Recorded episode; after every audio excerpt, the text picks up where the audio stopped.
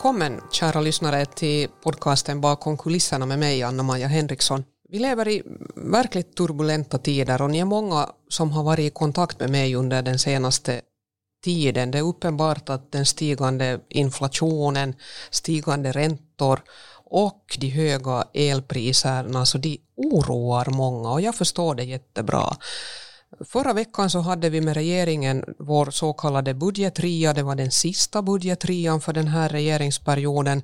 Och den föregicks också av, av flera dagar av förarbeten. Och egentligen kan vi säga för flera veckor för att finansministeriet och alla övriga ministerier har ju länge jobbat på, på budgetförslaget men sen har också de politiska förhandlingarna äh, gått, gått av stapeln. Och vi satt med, med kvintetten också ett antal dagar och, och ganska långa dagar här före den riktiga rian sen med hela regeringen började. Och, och det vad vi har varit måna om nu så var det att eh, regeringen eh, skulle komma med ett åtgärdspaket som i praktiken ska innebära det att, att du inte ska behöva vara rädd för att inte ha råd med, med mat på bordet eller värme i bostaden nu den här kommande, kommande vintern.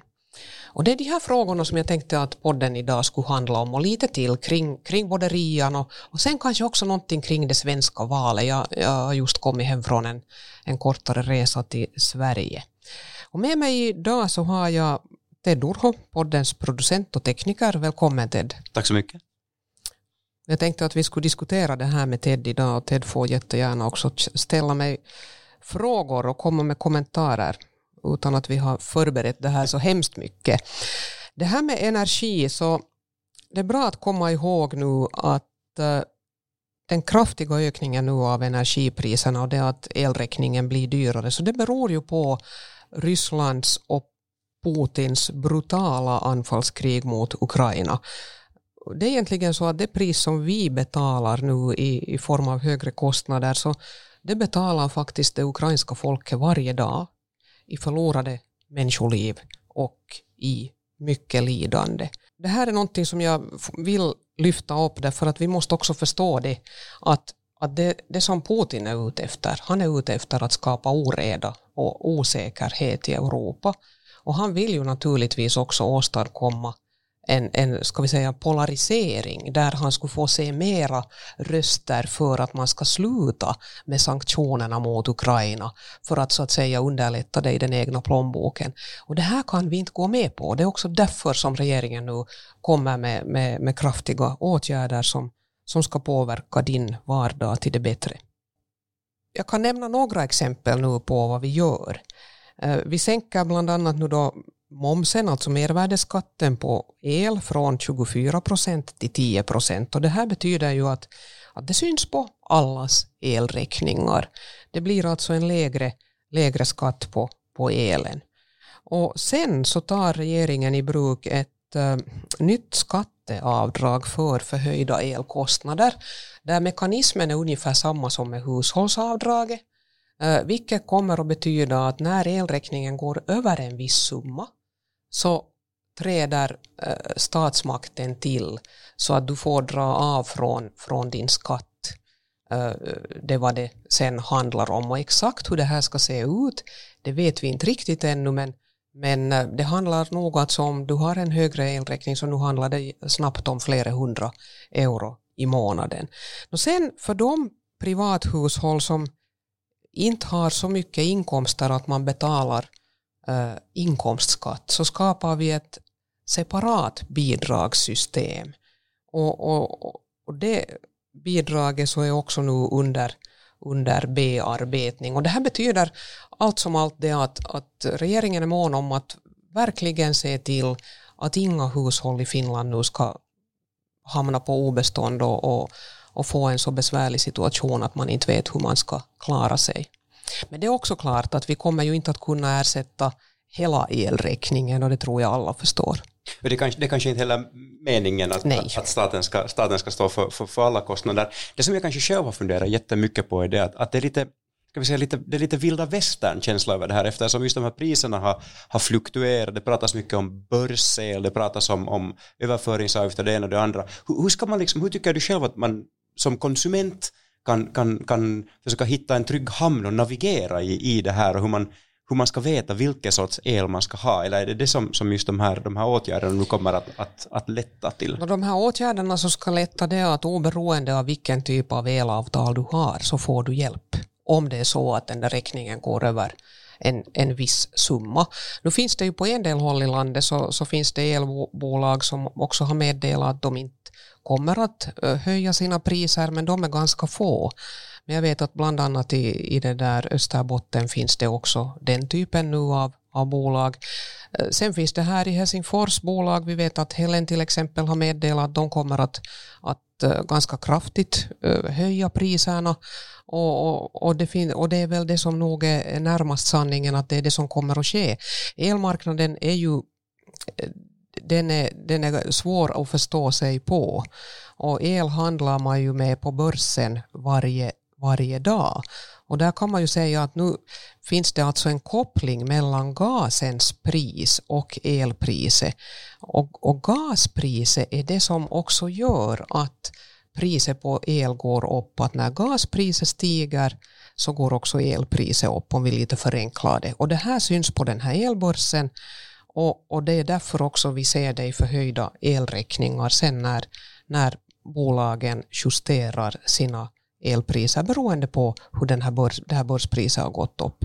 Och det här med gasen igen så handlar ju också då om det till exempel nu mycket påtagligt då uh, ryssarna stänger kranarna till Nord Stream.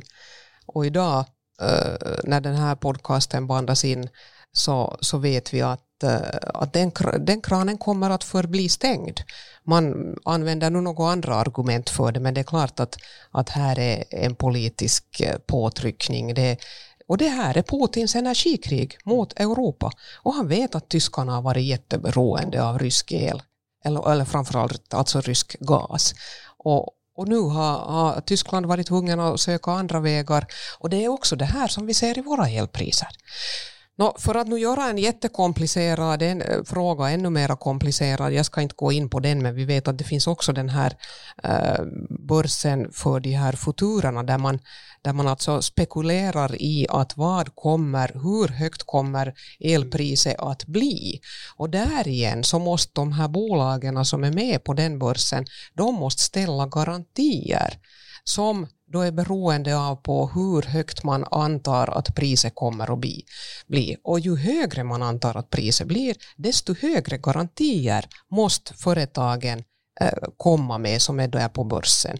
Fastän de själva skulle ha egen produktion och fastän de själva skulle kunna liksom se till att de nog eh, producerar till dem de har lovat. Och det är därför som regeringen också nu har gått ut med ett sånt här 10 miljarders extra eh, låne och garantipaket där vi så att säga vill trygga det att eh, våra aktörer eh, på den här marknaden hålls med näsborrarna över vattenytan om vi uttrycker det på det sättet.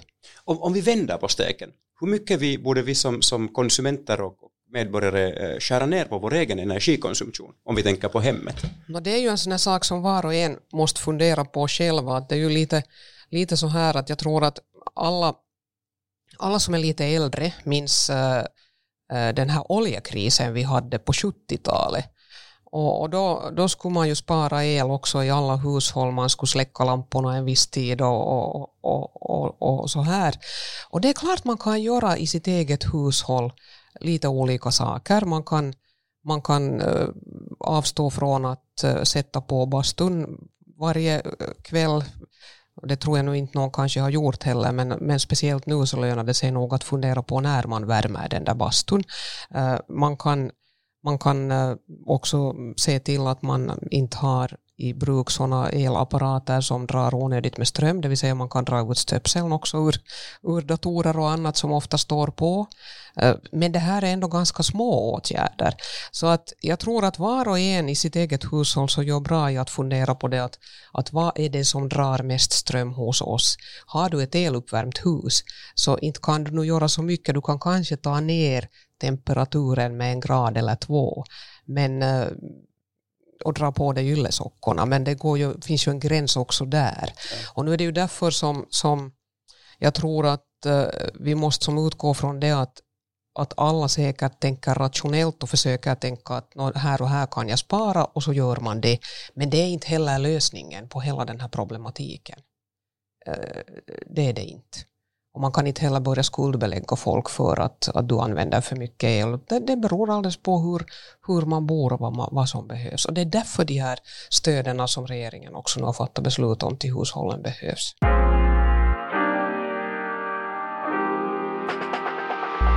Om vi funderar vidare från, från energi, så det som också kom med i den här, den här budgeten och som, som, som jag vet att du, Anna-Maja, har jobbat mycket med, eh, handlar om den här överskuldsättningen. Eh, vad, var det, vad, var det för, vad kom det för, för åtgärder på den? Det handlar ju alltså egentligen om det att vi vill trygga finländarnas köpkraft. Eh, det, det är ju så att, att när räntorna stiger, matpriserna stiger, så, så är det klart att det, det syns i börsen. Eh, och här kan man väl också säga det att, att nu för en gångs skull så, så fungerar det här så kallade brutna indexet som ju många pensionärsorganisationer har velat bli av med under de senaste 20 åren. Nu är det ju faktiskt en välsignelse för pensionärerna. Därför att det betyder att pensionerna kommer att höjas eh, med det här indexet där man också beaktar, beaktar till 50 procent konsumentpris ökningarna och till 50 procent eh, ökningarna i, i det där eh, för, för eh, lönerna.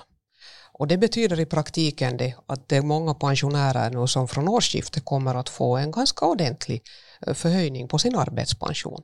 Men när det gäller de som har, som har skulder i utmätning så vet vi att, att, att också, också för dem så har det betydelse hur mycket du kan utmäta, vad du så att säga har som skyddat belopp som du alltid ska få bli med i handen. Och den här åtgärden som vi nu kommer med från regeringens sida så, så den är ett led också i att trygga köpkraften för de som har hamnat i den situationen att de har skulder i utmätning och det betyder i praktiken det nu att vi höjer den här så kallade eh, skyddsdelen som man får bli med kvar i handen före den där utmätningen börjar rulla. Så den höjs nu till garantipensionens belopp och i praktiken så, så handlar det här om ungefär 190 euro som, som det beloppet höjs med. Och det gör man nu helt enkelt också för att trygga köpkraften för dem som, som nu har det eh, speciellt jobbigt.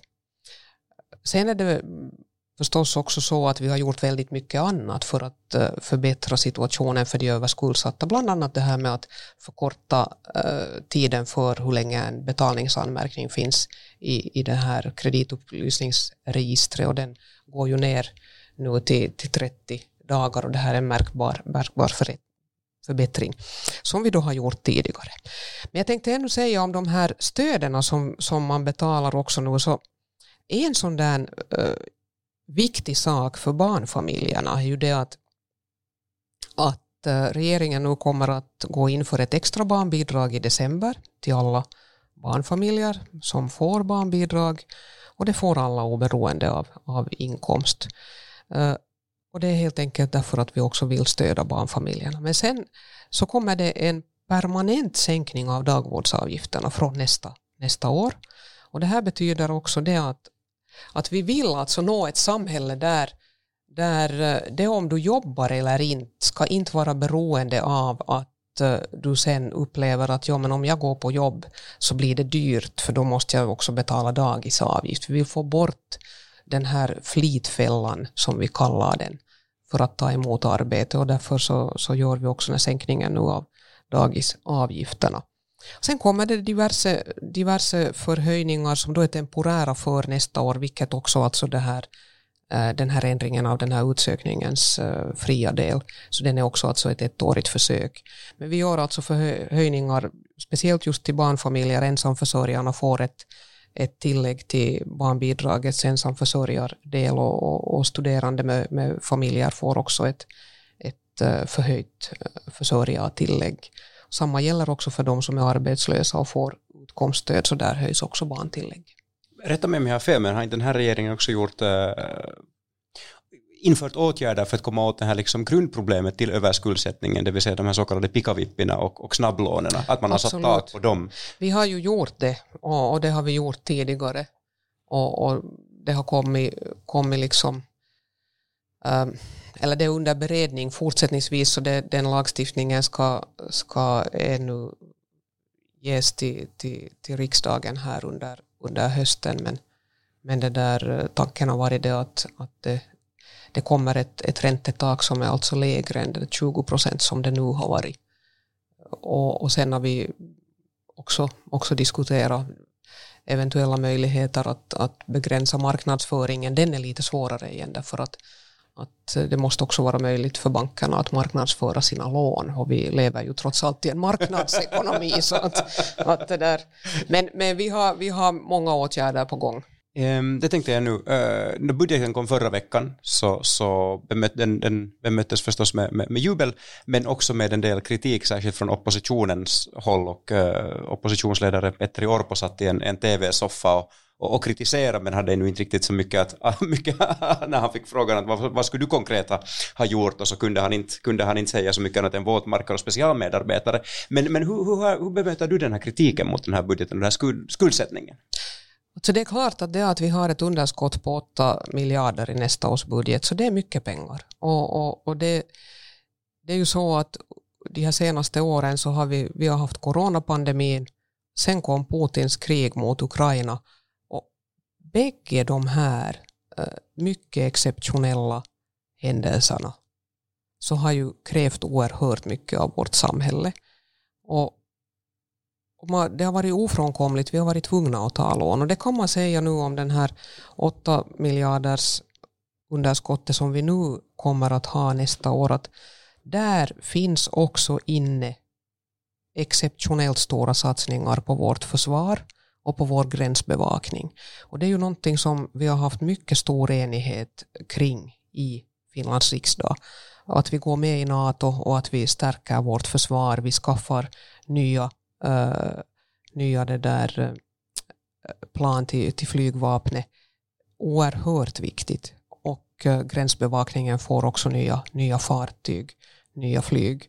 Så att det är liksom en nödvändighet Sen är det också så att den här inflationen nu och den här situationen där eh, konsumentpriserna har gått upp, så det leder till att, att om man gör indexjusteringar, så bara indexjusteringarna är ungefär 800 miljoner euro.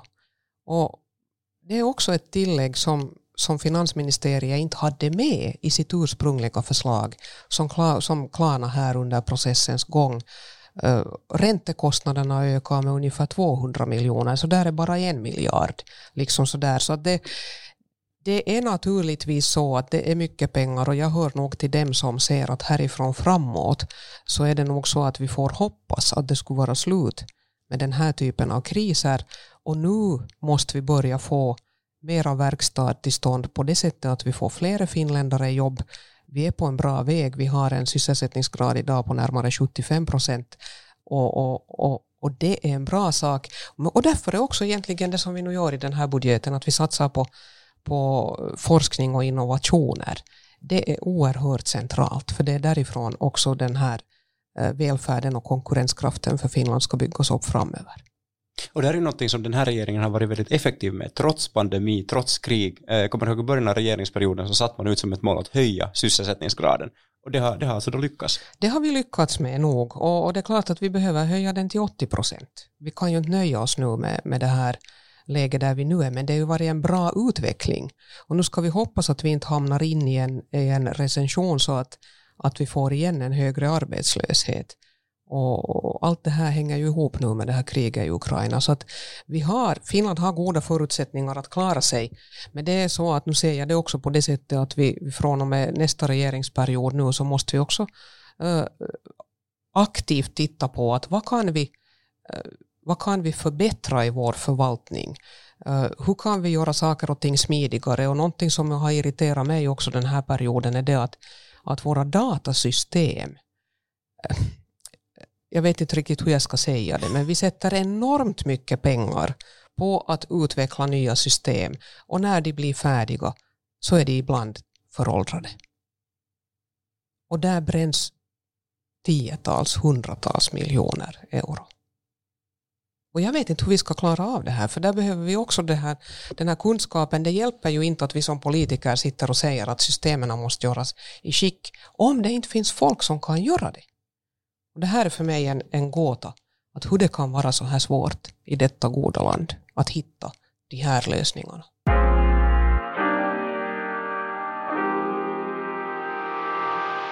En sak som är, är värd att nämna och som jag tror att, att också många av lyssnarna kommer att, att uppskatta är det att, att det kommer inte att bli någon fastighetsskattereform. Eh, det var en sak som klargjordes och klarna här i, i den där efterdyningarna av budgetrian och, och, och, nu har det gått ut ett meddelande alltså från finansministeriet att den inte bereds vidare. Kritiken eh, från utlåtande rundan var så pass omfattande att man insåg att det här inte skulle bli en bra reform. Och, och det här är ju någonting som vi också i SFP har, har, har påtalat en, en längre tid att vi har sett brister. Vi har nog också sett vissa saker som skulle kunna bli bra i den reformen men vi såg också många brister och jag, jag det där är mycket nöjd att det nu äh, blev på det här sättet. Så att äh, den, den reformen kommer inte och det, det är bra så.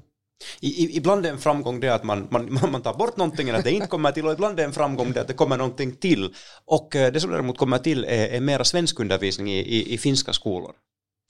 Så är det. Och, och det är jag mycket glad över att, att vi lyckades få igenom. Jag var ju oerhört besviken då när undervisningsminister Li Andersson gick ut och sa att, att hon eh, inte ser möjligheter att återinföra studentsvenskan eller studentfinskan för den delen i studentexamen som obligatoriskt prov. Eh, och då ska vi veta att bakgrunden är ju den att, att från att man gjorde svenskan och finskan frivilliga i studentexamen så har ju antalet elever som skriver svenska och finska har gått drastiskt ner. Och vi har sett alltså en, en så pass stor försämring i kunskaperna i det andra inhemska att alla väckarklockor måste ringa. Och av den orsaken så, så har jag och SFP då också internt i regeringen drivit den här frågan att att eh, det minsta vi kan göra nu är åtminstone det att få flera timmar undervisning i det andra inhemska som så kallat B1-språk. Eh, det är ju ofta så att vi i den svenska skolan så börjar vi läsa finska betydligt tidigare. Oftast har vi det som, det, som vi kallar till A1-språk och börjar senast på tredje klass. Medan man i den finska skolan ofta börjar med svenskan först från sjätte klassen och tar, tar in engelskan som det där A1-språket. Och när man gjorde den här reformen där eh, man tidigare la svenska undervisningen då i den finska skolan som B1-språk till årskurs 6 så, så satte man inte till några extra timmar utan man skulle fördela då samma antal timmar på fyra årskurser på sexan, sjuan, åttan och nian. Och det här har ju bland annat svenska lärarna i den finska skolan påtalat att det här är en brist och det leder till att man kan få en sån situation att att elever exempelvis i vissa skolor inte överhuvudtaget har läst någon svenska alls när de har gått eh, den nionde årskursen. Och så kan vi ju inte ha det, tycker ju vi i SFP.